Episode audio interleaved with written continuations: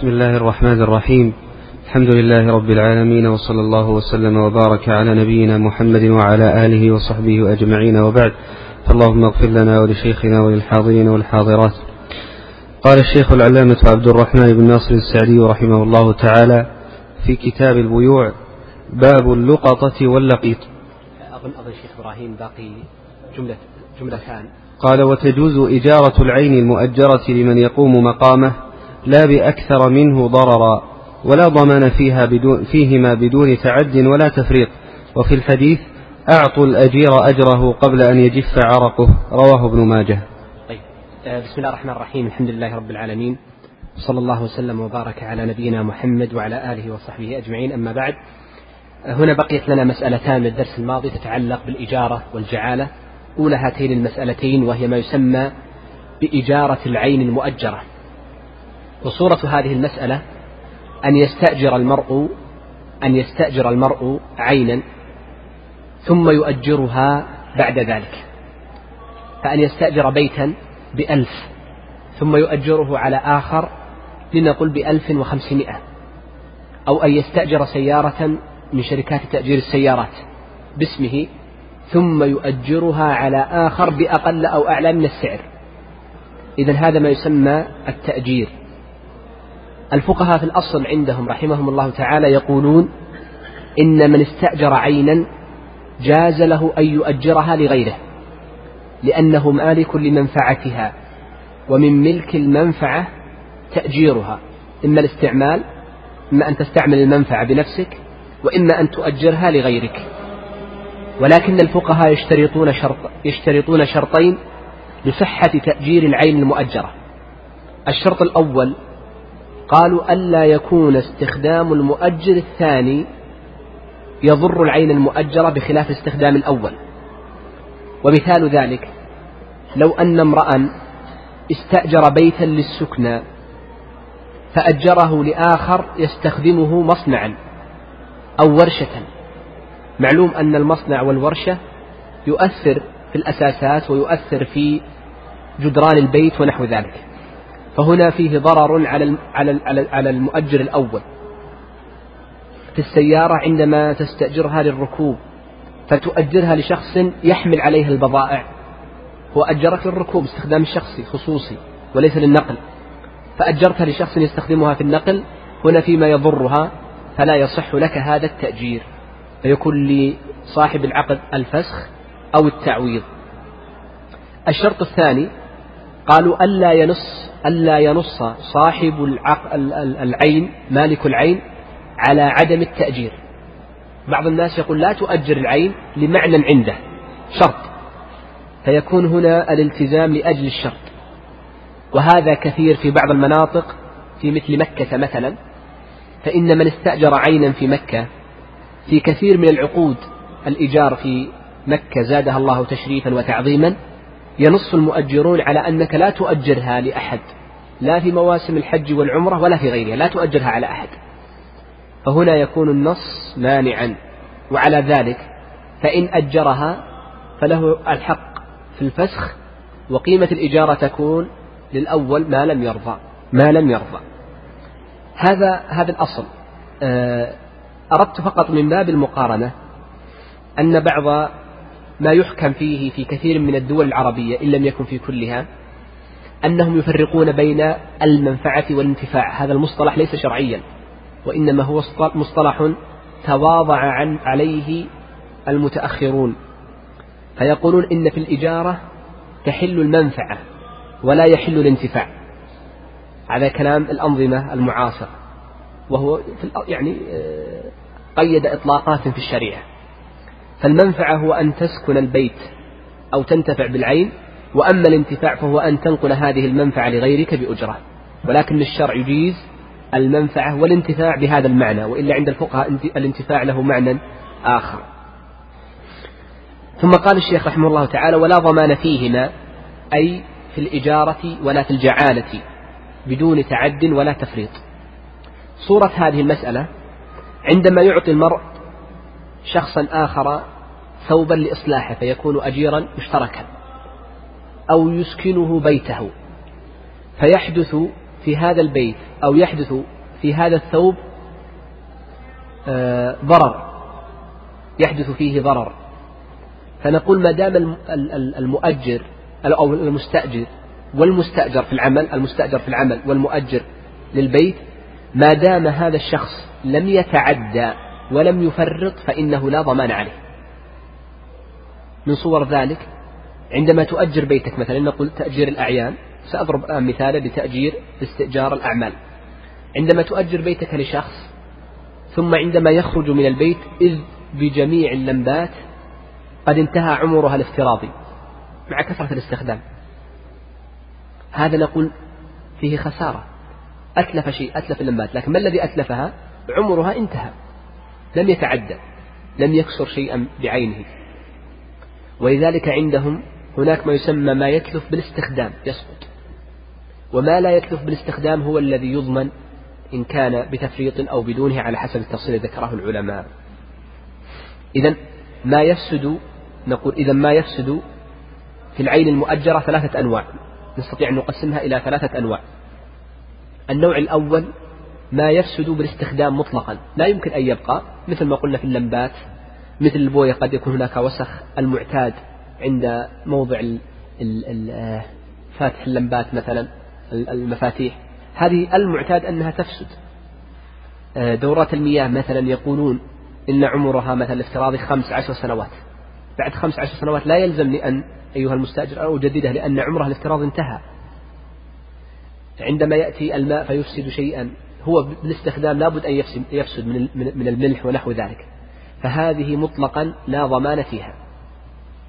النوع الثاني ما ثبت تعدي المستأجر أو العامل. ثبت تعديه أنه متعد يعني أنه متعمد أو مفرط. ترك وسائل السلامة فحدث هذا الشيء فنقول إنه يضمن. وقد يكون التعدي نوعان بفعله أو بتركه. بفعله مثل ماذا؟ أن يوقد نارا بهيئة ممنوعة.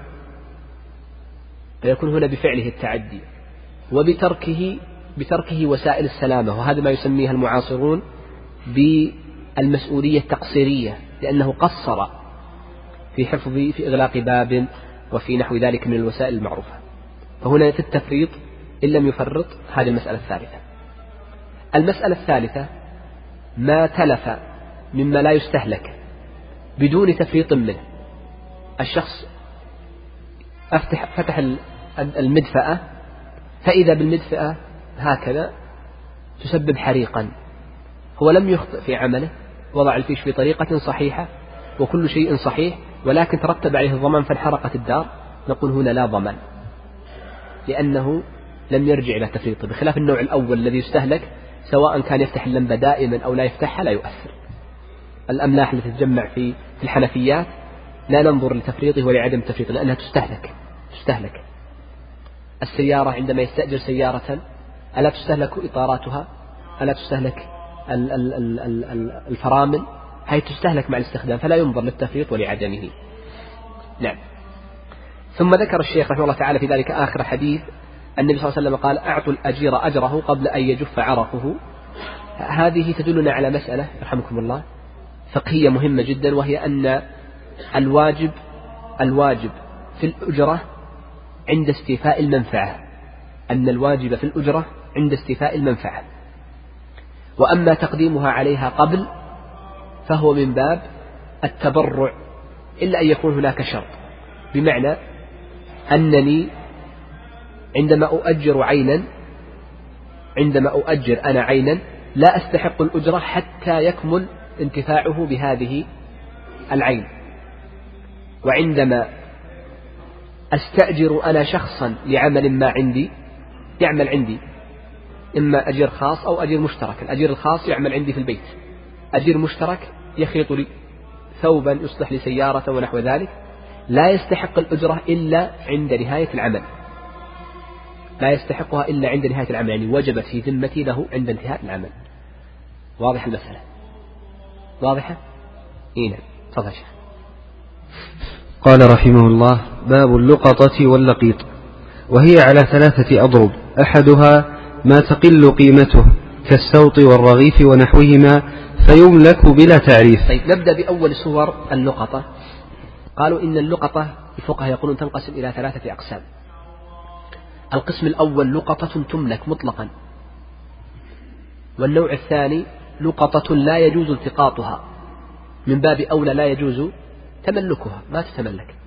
والنوع الثالث من اللقطة لقطة تلتقط لكنها لا تملك ولا لا تملك. سنتكلم عن هذه الثلاث بعد قليل. نبدأ بالأول وهو اللقطة التي تملك مباشرة من حين يلتقطها الشخص. من وقت ما يلتقطها الشخص فإنه يملكها. وبناء على ذلك أمران. الأمر الأول إذا التقط المسلم هذه اللقطة النوع الأول لا يجب عليه تعريفها. واحد. لا يجب عليه تعريفها. اثنين إن جاء صاحبها بعد ذلك فلا يلزمه أن يردها إليه. ما يلزمه.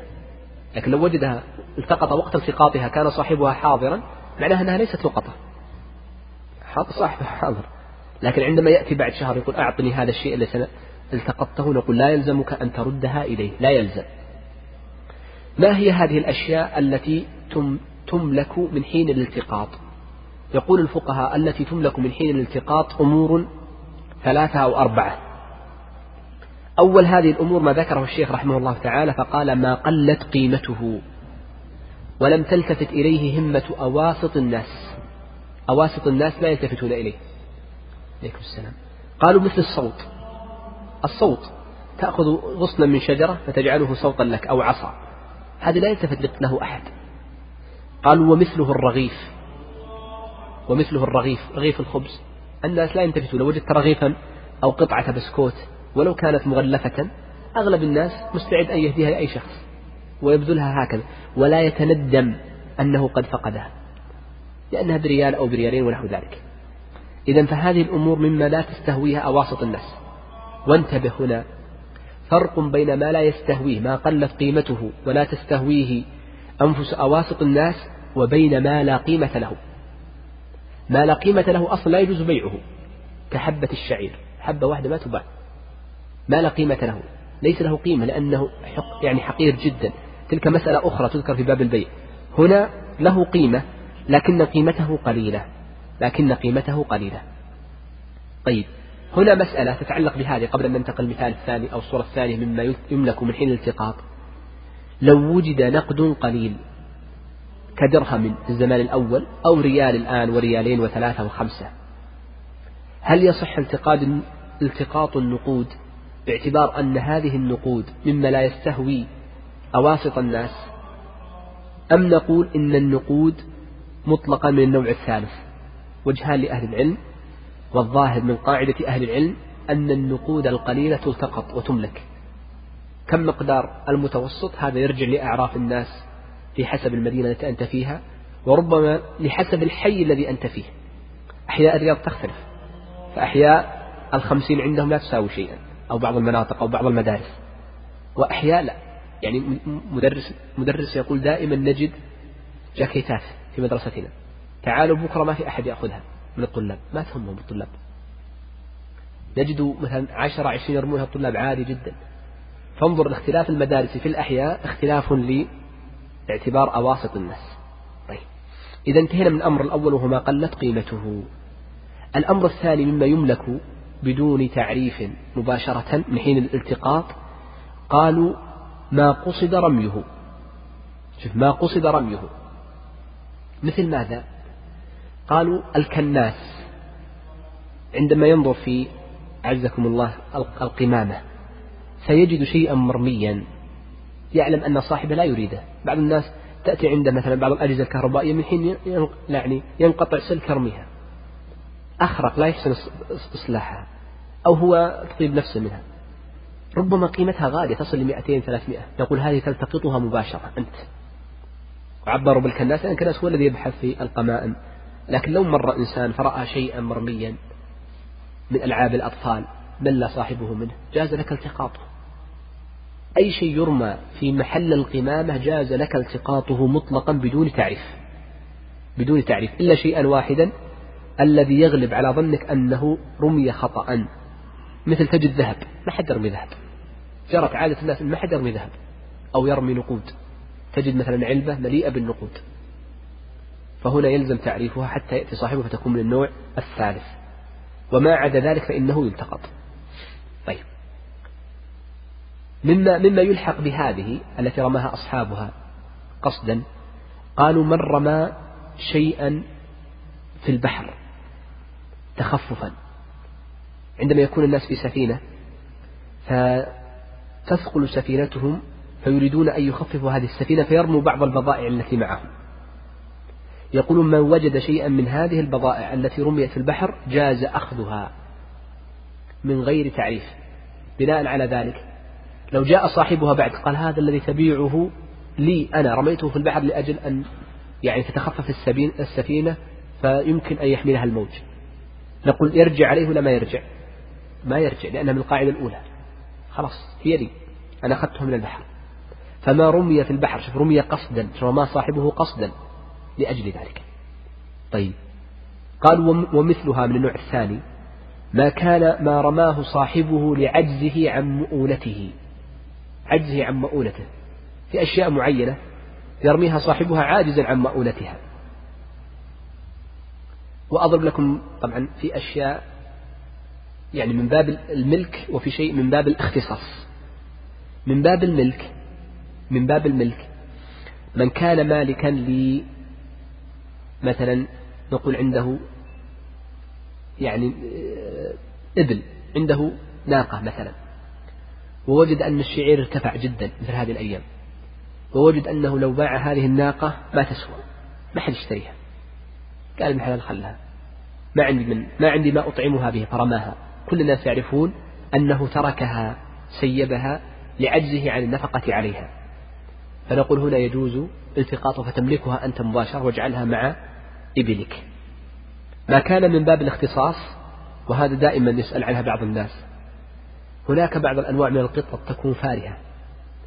والقطة نهى النبي صلى الله عليه وسلم عن ثمن السنور فهي من باب من باب الاختصاص وليست من باب الملك فيجوز بيعها. حديث واضح وصريح. فلو أن امرأ كانت عنده من هذه القطط الفارهة فرماها في الشارع. عاجز عن مؤنتها وطعامها وتنظيفها.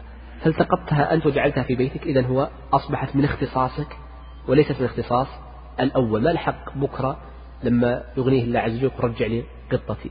لأن انتهى الاختصاص. الاختصاص حكمه حكم الملك. حكمه حكم الملك. الأمر الثالث مما يملك مباشرة من حين التقاط قالوا ضوال الغنم. والنبي صلى الله عليه وسلم كما سيأتي معنا قال إنما هي لك أو لأخيك أو للذئب. إذا وجدت ضالة للغنم سواء كان معزا أو ضأنا في فلاة جاز لك التقاطه مباشرة. في فلاة ليس حولها أحد تلتقطها بدون تعريف. تعرف أنها ضالة فهنا تلتقطها. طيب. إذا الأمر الأول ما هو؟ قلنا ما يملك من حين الالتقاط. لا يلزم تعريفه وإذا جاء صاحبه فطالب به بعد ذلك لا يلزم ردها إليه. النوع الثاني قالوا ما لا يجوز التقاطه أصلا مطلقا. قالوا وهو نوعان. النوع الأول ما ذكره الشيخ رحمه الله تعالى في الضوال من الإبل وما في حكمها كالبقر مثلا التي تمتنع من صغار السباع. طبعا البقر كالجواميس بعض البلدان تكون الجواميس قطيع كامل فبالإمكان أن تمتنع من صغار السباع وتعيش في الفلات. فهذه الأمور أو فهذا النوعان لا يجوز التقاطها تترك لقول النبي صلى الله عليه وسلم معها سقاؤها وحذاؤها ترد الماء. ترد الماء وتأكل الكلاء أو الشجر. وإن التقطها صاحبها فيجب عليه فقط التعريف أن يعرفها ولا يملكها. فإذا جاء صاحبها ردها له مع أجرة الإطعام والرعاية. النوع الثاني مما لا يملك لقطة الحرم والمراد بالحرم حرم مكة. فإن حرم مكة لا لا يجوز تملك لقطتها مطلقا. مطلقا. ولا يلتقطها حتى التقاطها لا يجوز إلا لمعرف يأخذها ليعرفها. وما عدا ذلك فإنها لا تملك. النوع الثالث من اللقطة ما يجوز التقاطه لكنه لا يملك إلا بعد تعريفه سنة. وهو ما, ما, ما كان غير النوع الأول والنوع الثاني. من وجد نقودا من وجد أعيانا من وجد غير ذلك من الأمور فإنه يجوز التقاطها لكن لا يجوز تملكها إلا بعد تعريفها سنة كاملة. يقول الشيخ وما سوى ذلك فيجوز التقاطه ويملكه إذا عرفه سنة كاملة. معذرة. شرحت الثانية والثالثة. تفضل شيخ. قال رحمه الله والثاني الضوال التي تمتنع من صغار السباع كالإبل فلا تملك بالالتقاط مطلقا. والثالث ما سوى ذلك فيجوز التقاطه ويملكه إذا عرفه سنة كاملة.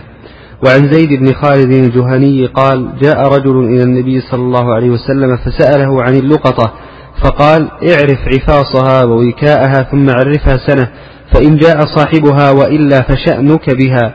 قال فضالة الغنم قال هي لك أو لأخيك أو للذئب. قال فضالة الإبل قال ما لك ولها معها سقاؤها وحذاؤها ترد الماء وتأكل الشجر حتى يلقاها ربها. متفق عليه. والتقاط اللقيط والقيام به فرض كفاية. فإن تعذر بيت المال فعلى من علم بحاله. نعم آه، بدأ الشيخ بعد ذلك بذكر أحكام اللقيط واللقيط هو الآدمي. الذي يوجد لا يعرف له أب ولا أم. لا يعرف له أب ولا أم. هذا يسمى لقيطا. التقاطه قالوا فرض كفاية. لأن لأنه إن لم يلتقط فإنه سيموت ويهلك. فيأثم الناس. فالأصل فيه أنه فرض كفاية واجب على عموم المسلمين لا على أعيانهم.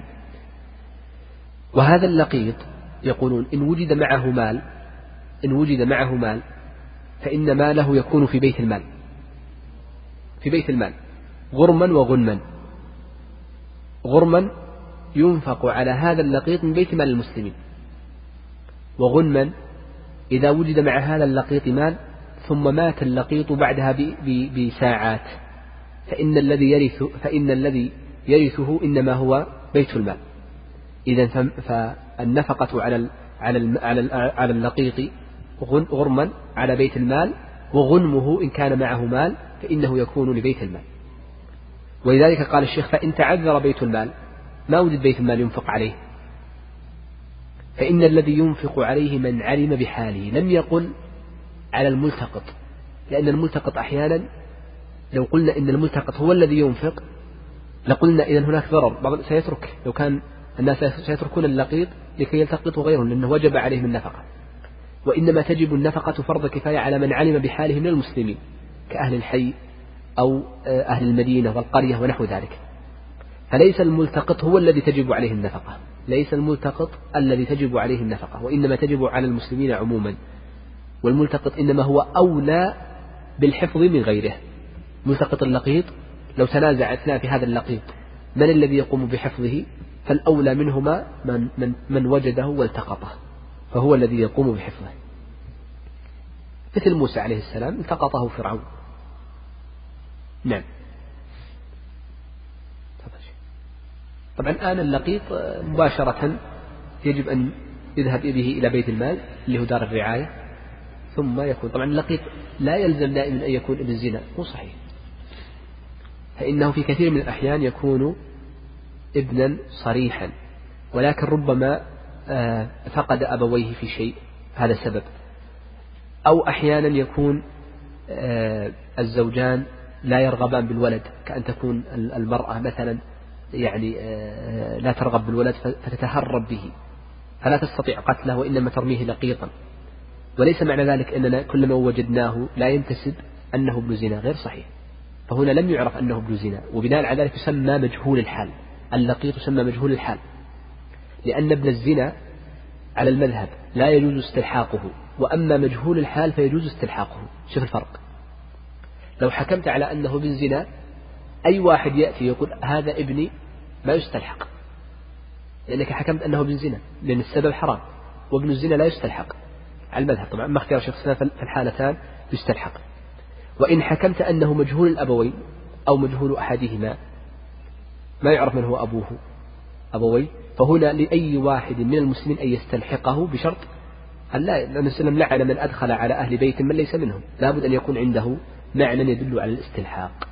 ومن الذي يصح له الاستلحاق؟ الأب وجها واحدا وغيره يعني الصحيح أنهم لا يستلحقون إنما يستلحق الأب وحده. أو تكون وصية مثل حديث عبد بن زمعة رضي الله عنه مع سعد بن وقاص لما قال إن أبي أوصاني. أو, أو كلاهما يقول إن أبي أوصاني فعبد يقول إنها إنه قد وطئها وسعد يقول إنها آه، أمة أبي ولدت على فراشه. فهنا عبد زعم الاستلحاق بناء على وصية الأب فلا يستلحق غير الأب. هذه ستأتي ربما في باب اللعان. نعم تفضل قال رحمه الله باب المسابقة والمغالبة وهي ثلاثة أنواع.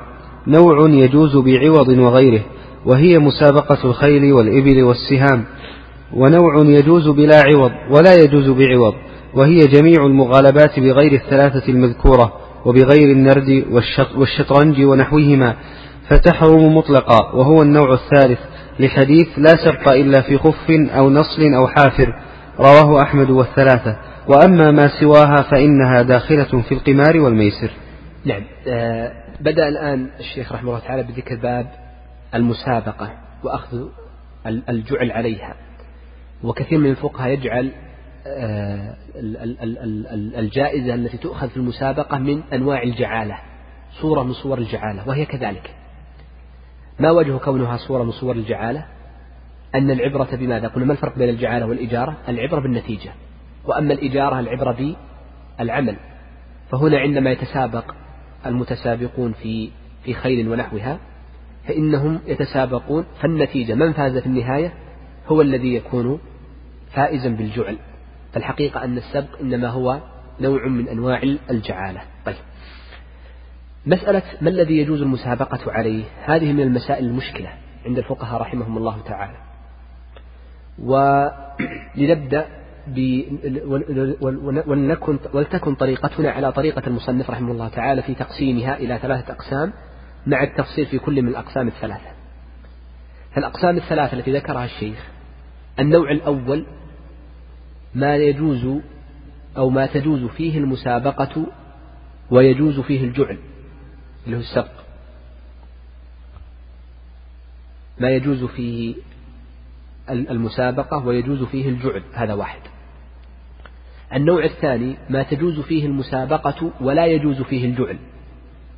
يجوز أن تتسابقون لكن بدون جعل بدون جائزة. والنوع الثالث ما لا تجوز فيه المسابقة أصلا. ما لا يجوز فيه المسابقة مطلقا. إذا هي ثلاثة أنواع. نبدأ بالنوع الأول وهو ما يجوز فيه المسابقة بجعل.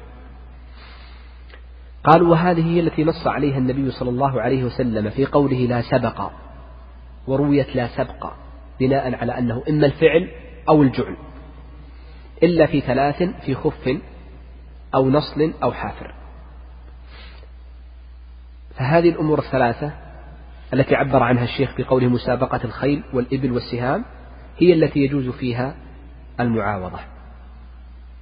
طيب باتفاق أهل العلم يجوز عليها الجعل عفوا ليس المعاوضة يجوز عليها الجعل باتفاق أهل العلم. سنتكلم الآن بسرعة في قضية كيف يكون الجعل على هذه الأمور الثلاثة. أولا باتفاق أهل العلم باتفاق أهل العلم أن الجعل أو الجائزة إن كانت من طرف غير هؤلاء فإنه تجوز فإنها تجوز. عندما يتسابق اثنان والذي جعل الجعل غيرهما فباتفاق أهل العلم أنها تجوز.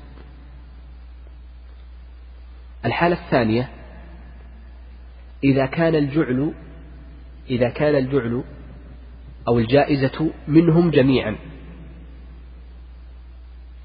يعني كلهم دفع جزءا منها. كل واحد يدفع مئة فاجتمع ألف لأنهم عشرة وقالوا الفائز يأخذها. فقالوا إن في هذه نوع غرر. والفقهاء لهم رأيان في هذه الصورة في هذه الأمور الثلاثة فقط هل تجوز أم لا تجوز؟ النوع الثالث قالوا أن تكون الجائزة من أحدهم من أحد المتسابقين. فهذه تجوز وجها واحدا. وجها واحدا في المذهب طبعا. الحالة الرابعة أن تكون الجائزة من جميعهم إلا واحد. وهذا الذي يسمى دخول المحلل. وهذا الذي انتصر له ابن القيم في كتاب الفروسية لإجازته. فيرى ابن القيم جواز هذه الصورة عندما يكون الجعل من جميعهم إلا واحد أو اثنين بشرط أن يكونوا يمكن أن يغلبوا ويفوزوا في السبق. فهنا نقول يجوز وهذا الذي انتصر له ابن القيم بناء على رأي شيخ الشيخ تقي الدين. إذا أصبح لنا في الجعل أربعة أو الجائزة أو السبق أربعة. صور ثلاثة جائزة وواحد ممنوع. الجائزة ما هي؟ تكون من أجنبي تكون من أحدهم تكون من جميعهم إلا واحد يمكن أن يفوز. ليس واحد كذا. أكيد أكيد هو المركز الأخير. يعني حيلة. لا دخوله دخول صحيح احتمال أن يفوز. الممنوع ما هو؟ عندما تكون الجائزة أو السبق من الجميع. من الجميع. طيب. انتهينا من النوع الأول. سم فيه قولان الأقرب في النص أنه ما يجوز. المن. المن. هذا هو الصحيح. ما يجوز. طيب. النوع الثاني. طبعا هنا من أهل العلم من قاس عليها. من قاس على السهم ماذا؟ الرمي بالبندق. البندقة هذه. البندقة التي هي طبعا خذ فائدة. البندقة عند الفقهاء ما هي؟ لا. سمي شيخ. لا البندقة هي الثمرة في الحقيقة لكن قالوا ويجوز الرمي بالبندقة ويجوز آه، الصيد بالبندقة. البندقة النبيطة.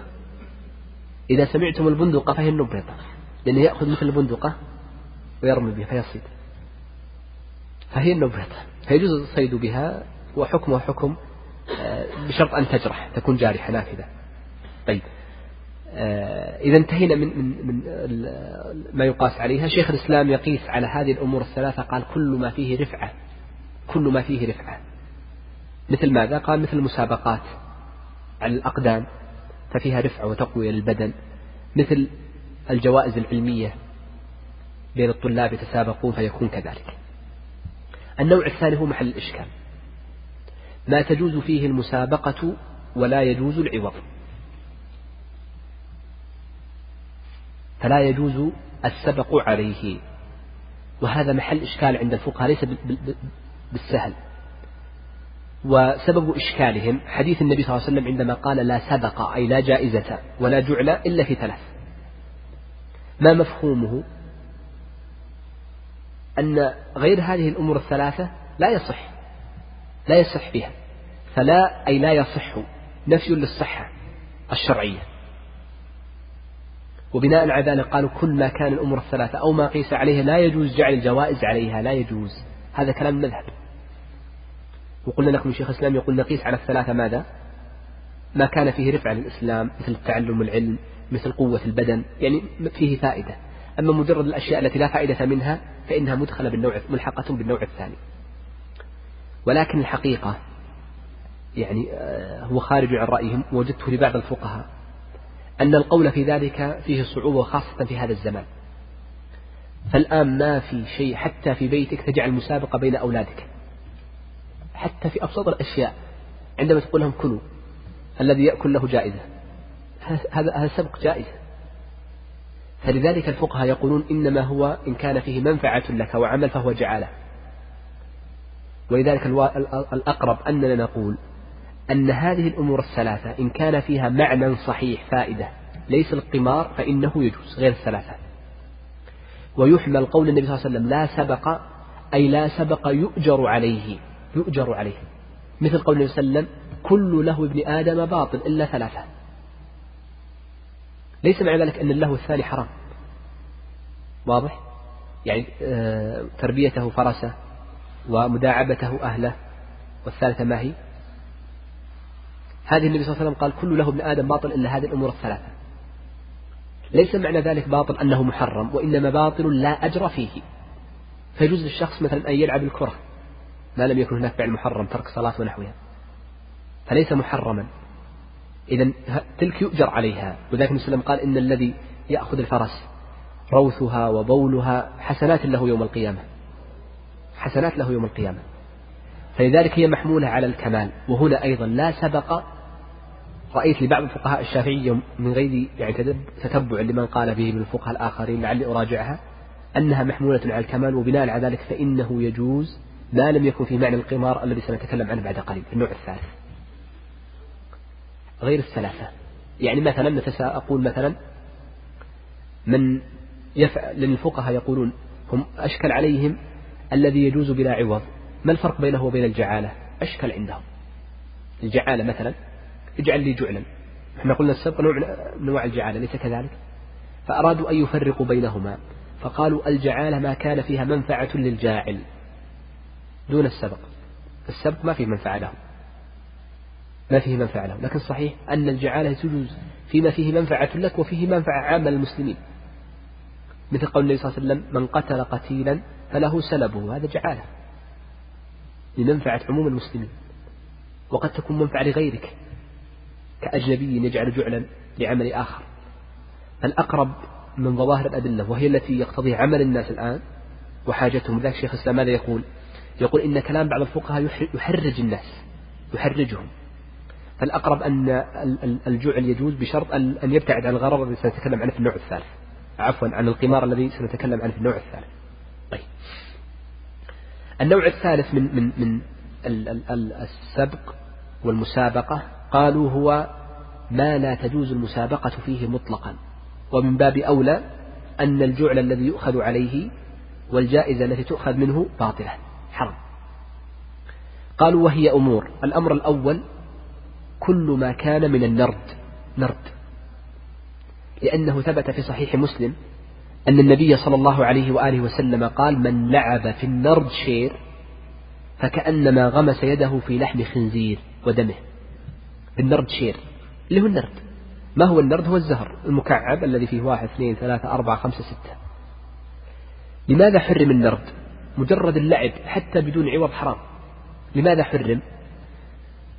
قالوا وإن لم يكن لو كان فيه ما عوض لا شك أنه حرام القمار لأنك ما تعرف ستة أو اثنين أنت حظ منبنية مئة بالمئة على الحظ. منبنية مئة بالمئة على الحظ. فلذلك هي مبنية على الحظ لو كانت قمار واضح القمار.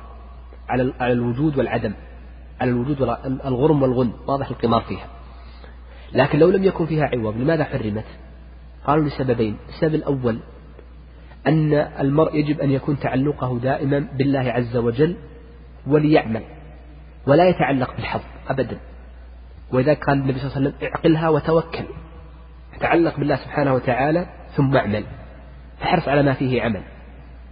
فلو أن الصغير في صغره يلعب بالنرتشير وتعود عليها دائما فإنه يكون في هذه الحالة قد اعتاد على التعلق على الحظ ربما يربح مرة أو مرتين وهكذا.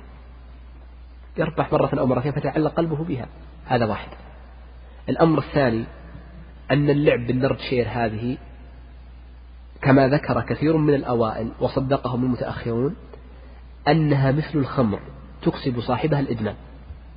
تكسب صاحبها الإدمان. من لعب بالحظوظ هذه. ولذلك آخر ما قرأت يعني دراسة لبعض علماء النفس يقولون إن كثيرا ممن يلعب القمار لا يلعب بقصد الربح وإنما هي لذة يجدها في نفسه. لذة. فلذلك يقطع الأمر من أوله. مثل الخمر ما أسكر قليله فكثيره حرام. ولذلك قرن الله عز وجل الخمر والميسر معا القمار. يا أيها الذين آمنوا إنما الخمر والميسر والأنصاب والأزلام رجس من عمل الشيطان فاجتنبوه لعلكم تفلحون. فدل ذلك على أنه يجتنب وما قارب إليه مثل النرد مثل النرد. إذا النرد لا يجوز اللعب به مطلقا. سبعة الزهرة يا شيخ مكعب. تعرف المكعب؟ لا الضمنة غير يا شيخ. تعرف المكعب؟ مكعب. فيها واحد واثنان وثلاثة وأربعة وخمسة وستة. يلعبون بها مثل الطاولة. شفت الطاولة؟ لعبة الطاولة يلعبون بها. ومثل الآن عند بعض الصغار يسمونها منابولي. لا لا شوف هذه ما يجوز لعبها. اللعب فيها حرام. لعبها حرام. الرسول صلى الله عليه وسلم يقول بالحديث صحيح مسلم من لعب بالنرد شير فكأنما غمس يده في لحم خنزير ودمه. قمار. لو فيها عوض قمار. قمار ما فيها عمل مطلقا. طيب لماذا لو, لو, لو لم يكن فيها عوض؟ نقول حرام. أول شيء الحديث نص صريح. لماذا؟ من حيث المعنى. قلنا أولا لأنها تتعلق الشخص بغير الله عز وجل وبغير العمل. أنت يجب أن تتعلق بالله عز وجل أو بالأسباب الأسباب التي يعملها الناس. أي شيء ليس فيه تعلق بالله أو بسبب صحيح عقلي مقبول سبب عقلي مقبول الشرع يمنع منه. التميمة لما حرمت لأنها ليست مشروعة في الدين. ليست مشروعة في الدين. ولا يوجد سبب عقلي يدل على أنها شافية. ما في دليل سبب عقلي. الدواء تشربه هناك سبب عقلي مفيد بالتجربة أنها شافية. لكن التميمة وما في حكمها لا يوجد سبب عقلي يدل على أنها شافية. فإذا انتفى السبب العقلي والدليل الشرعي حرم. الدليل العقلي مثل ماذا؟ العمل. فأي شيء فيه عمل ذهاب وعودة يلعب ما في إشكال. معلومات يجوز. والحديث صحيح مسلم يعني صريح جدا. أي شيء في نرد حرام. آه، البنوت ما تعتمد على الحظ تعتمد على الحظ ما تعتمد على الحظ أنا والله ما قد لعبتها. لكن إن كانت تعتمد على الحظ فإنها حرام. ولذلك كان الشيخ باز يمنع منها يقول إنها حرام. لكن أشوف بعض المشايخ مشايخنا الآن ومنهم سماحة الشيخ يعني كأنه يميل إلى أنها جائزة ولم يلحقها الحقيقة بالنرتشير النرتشير مشكل حديث. عند الفقهاء لماذا نص النبي صلى الله عليه وسلم على النرتشير؟ لماذا نص على النرتشير؟ هنا محل إشكال. ربما ربما هي خبصة يسمونها ولا لا؟ هي الخبصة. الخبصة هذه تعتمد على الذاكرة. فيها عمل. فيها ذكاء. فيها تذكير للذاكرة. لكن هذا النرتشير حل حظ مئة بالمئة. لا لا فيها عمل. المصاقير عمل. فتكون من النوع الثاني. يجوز المذهب بدون بدون سبق. بدون سبق. لأن ما فيها نشاط الجسد فيجوز بدون سبق. لو كان فيها سبق هل يجوز؟ يعني في لو كان فيها عفوا جعل هل يجوز؟ سبق. زين؟ على الخلاف المذهب لا يجوز مطلقا. وذكرت لكم نقلا عن بعض الفقهاء الشافعية وأنا لا أجزم بقولهم لكنه ينفس على المسلمين وييسر عليهم أنه يجوز بشرط أنه من أنواع الأربعة السابقة. لا يكون منهما وإنما من أحدهما أو من أجنبي أو هكذا. طيب الأمر الثاني الذي لا يجوز اللعب فيه ومن باب أولى لا يجوز أخذ الجعل عليه قالوا الشطرنج. والشطرنج معروفة. والمذهب أن الشطرنج محرم لما صح عن علي رضي الله عنه. لم يصح ولا حديث عن الرسول صلى الله عليه وسلم في تحريم الشطرنج. الذي صح عن الرسول النرد شير اللي هو النرد. وأما الشطرنج فلم يصح النبي صلى الله عليه وسلم شيء. وإنما صح عن علي رضي الله عنه أنه رأى أقواما يلعبون بالشطرنج فقال ما هذه الأصنام التي أنتم لها عاكفون. يقول شيخ الإسلام تيمية وقد صح النهي عن الشطرنج عن عدد من الصحابة كعلي وغيره أظن ثلاثة. فهو ثابت عن الصحابة ولم يثبت عن النبي صلى الله عليه وسلم. هذا النهي الذي ورد من الصحابة هل هو لأجل أن أن أن الشطرنج على هيئة أصنام كما هو ظاهر تعليل علي رضي الله عنه أم لغير ذلك من العلم؟ الله أعلم. ولذلك الفقهاء لهم رأيان مشهور المذهب واختيار شيخ الإسلام أن الشطرنج حرام وقال بعض فقهاء الشافعية ليس كلهم بعضهم إن الشطرنج مكروه وليس محرما مكروه لأنه لا ينبني على الحظ وإنما على الذكاء ينبني على الذكاء ذكائك والتقديم وهذا القول له حظ من النظر بشرط أن تذهب الصور وأنه لا يلهي عن الصلاة ولا يكون فيه قمار. ولكن المذهب اختيار شيخ الإسلام أنه حرام ل ما جاء عن علي رضي الله عنه ولكن الأقرب أنه مكروه ليس حراما. ما الذي يقاس على هذين الاثنين؟ كثير جدا وخاصة النرد. الآن في بعض الآلات تضع ريالا وأنت وحظك قد يأخذ لك ساعة بمئة أو يأخذ لك حلاوة بريال وقد تكون بلا شيء. هذه حظ. فكل لعب اللعب التي تكون منبنية على الحظ لا يجوز لعبها أو اللعب بها. لا يجوز اللعب بها. طيب الأطفال هل هل نمنعهم من هذا النرد؟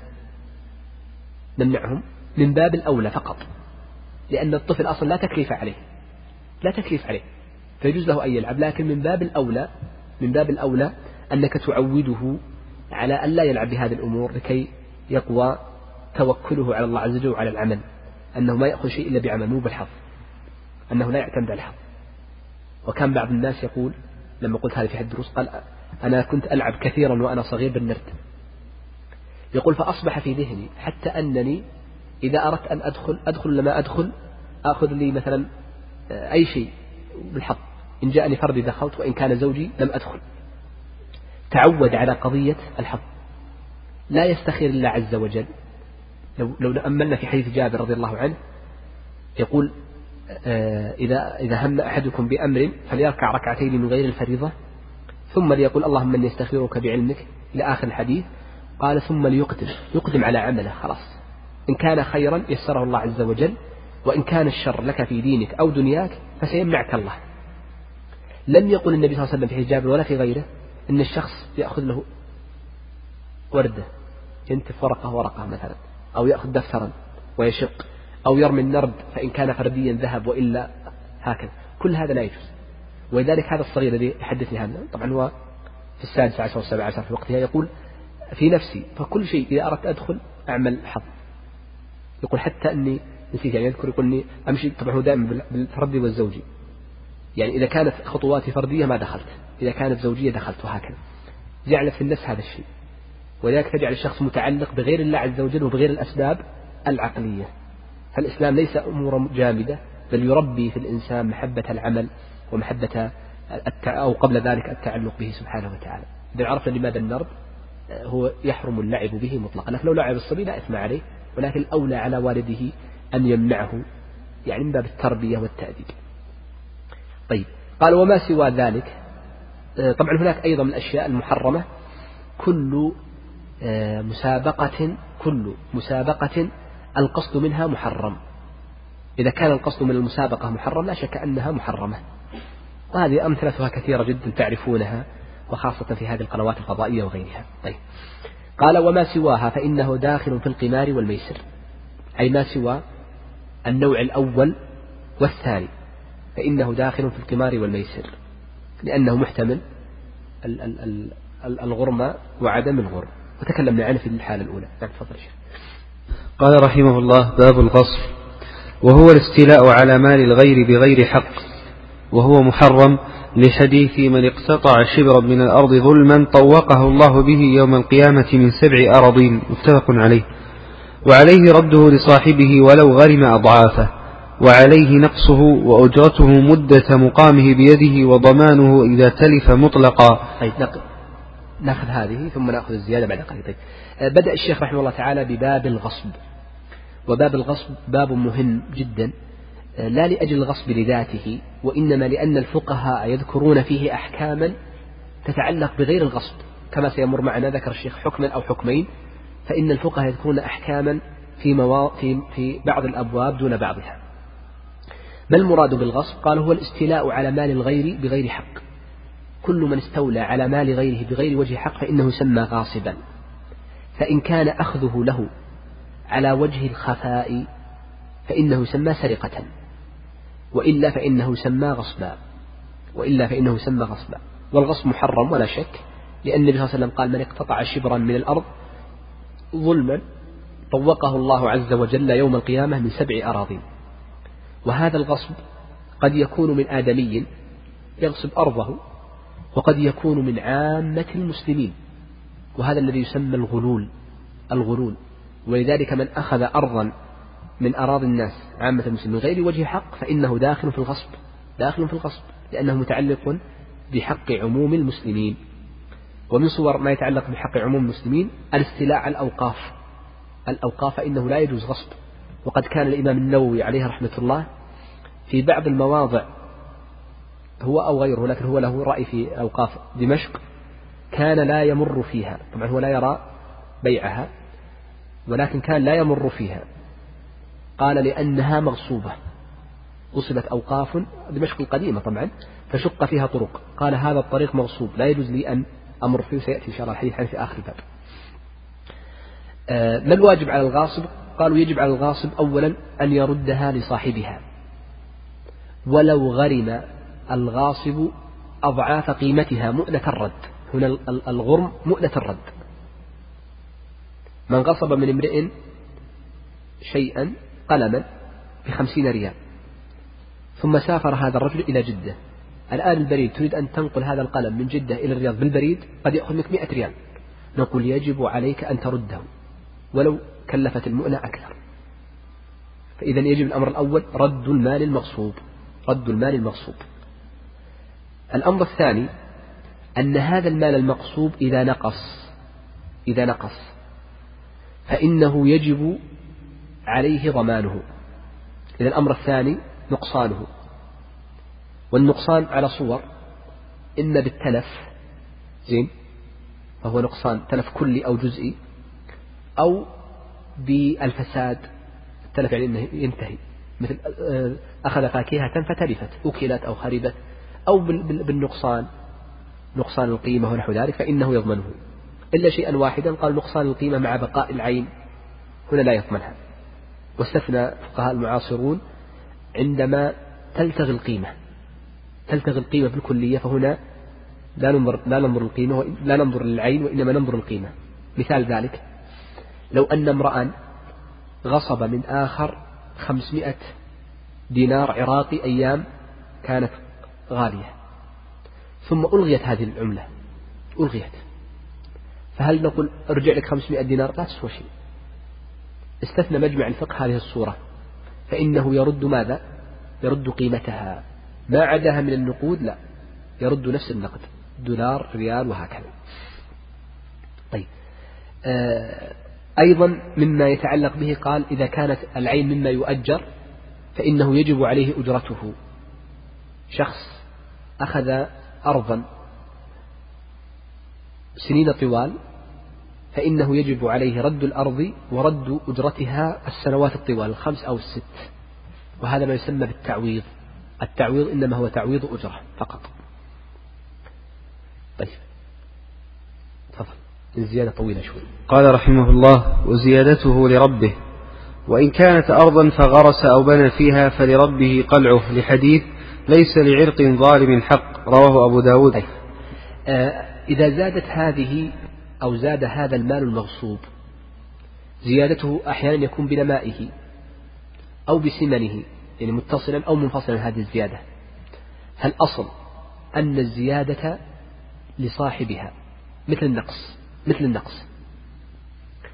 غير أن من الفقهاء من يرى وهذا رأي شيخ الإسلام ابن تيمية أن الزيادة إن كانت بعمل من الغاصب. شوف أن الزيادة هذا استثناء خالف فيه المذهب. المذهب قاعدة واحدة الزيادة والنقص يضمنها.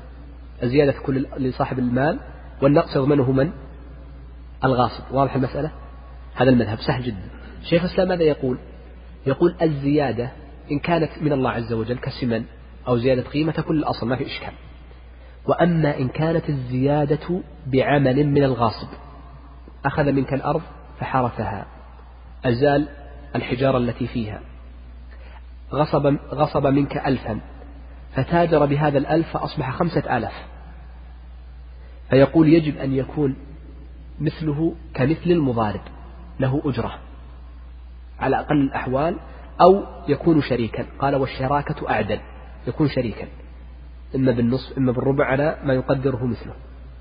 ما دليله على ذلك؟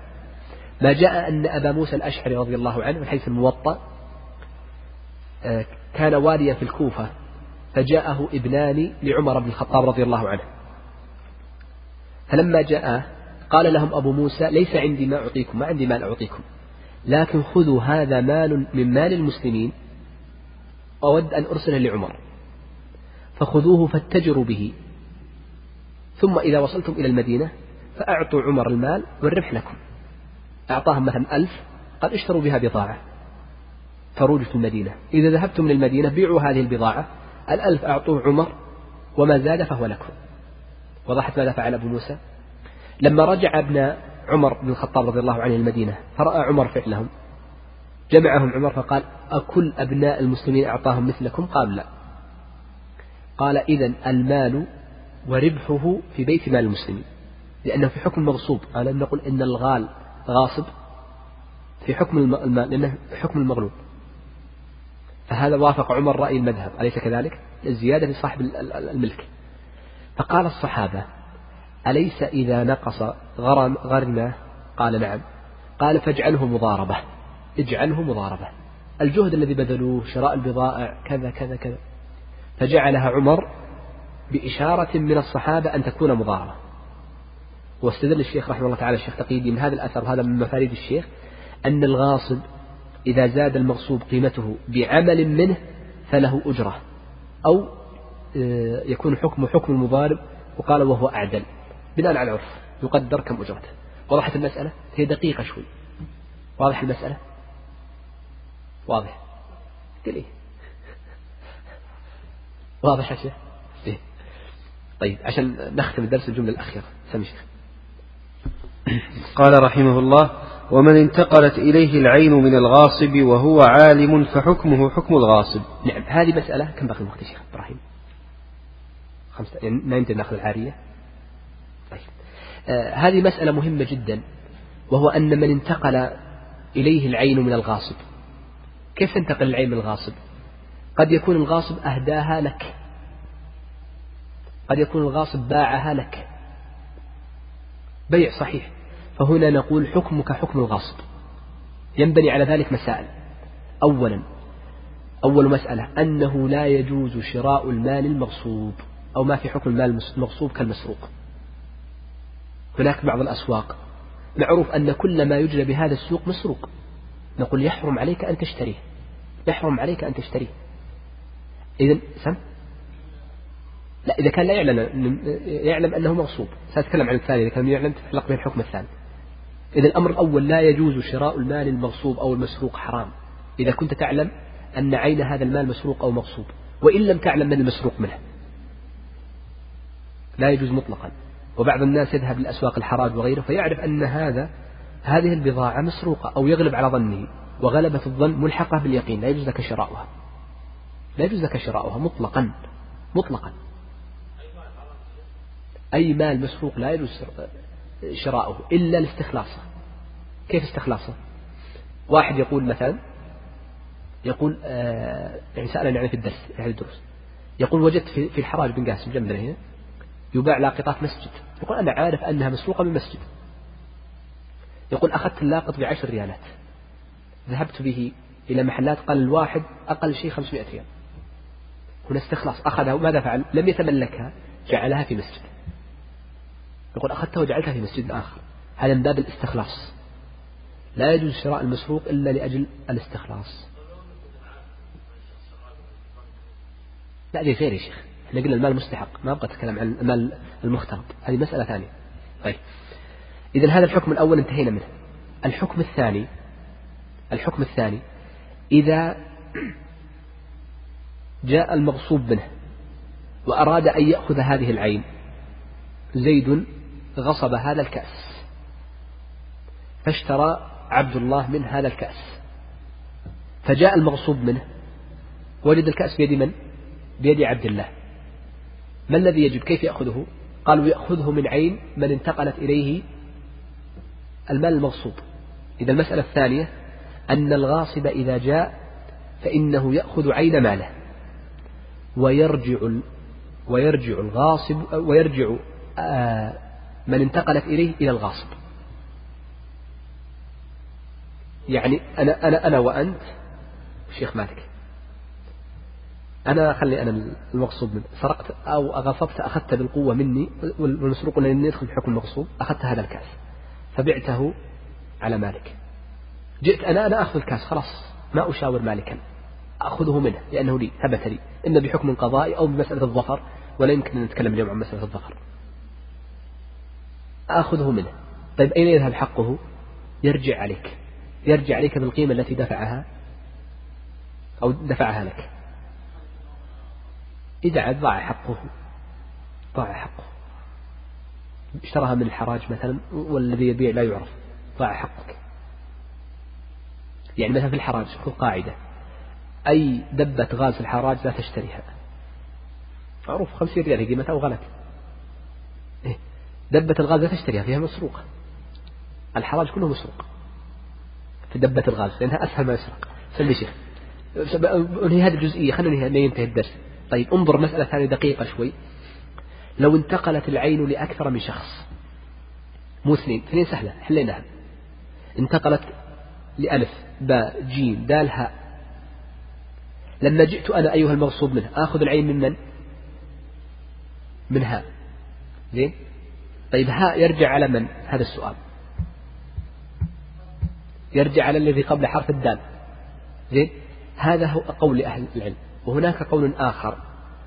رجح جمع من أهل العلم وطن الشيخ الإسلام له لأنه رأي الشيخ عبد الرحمن بن حسن وغيره من المشايخ. إن هذا يرجع على الغاصب الأول يرجع على ألف. وينبني على ذلك ها شراها بعشرة ألاف ودال شراها بثمانية والذي قبله بستة. يرجع هو على ألف بالعشرة ألاف مع أن ألف الغاصب باعها بألف ريال. دفع عشرة ألاف ريال وهو يرجع للباقي خله هو الذي يتعب يأخذ من كل واحد ألف ألف ألف. ليش أنا أدور على الجميع؟ فإن لم أجد الأخير فأقرب واحد لي فيصبح لي الخيار أنا أن أرجع على من شئت. وضحت المسألة؟ وهذه مسألة مشهورة وفيها بحث في هذه المسألة الأخيرة فقط. بذلك نكون أنهينا باب الغصب إن شاء الله نبدأ الأسبوع القادم في باب العارية بمشيئة الله عز وجل.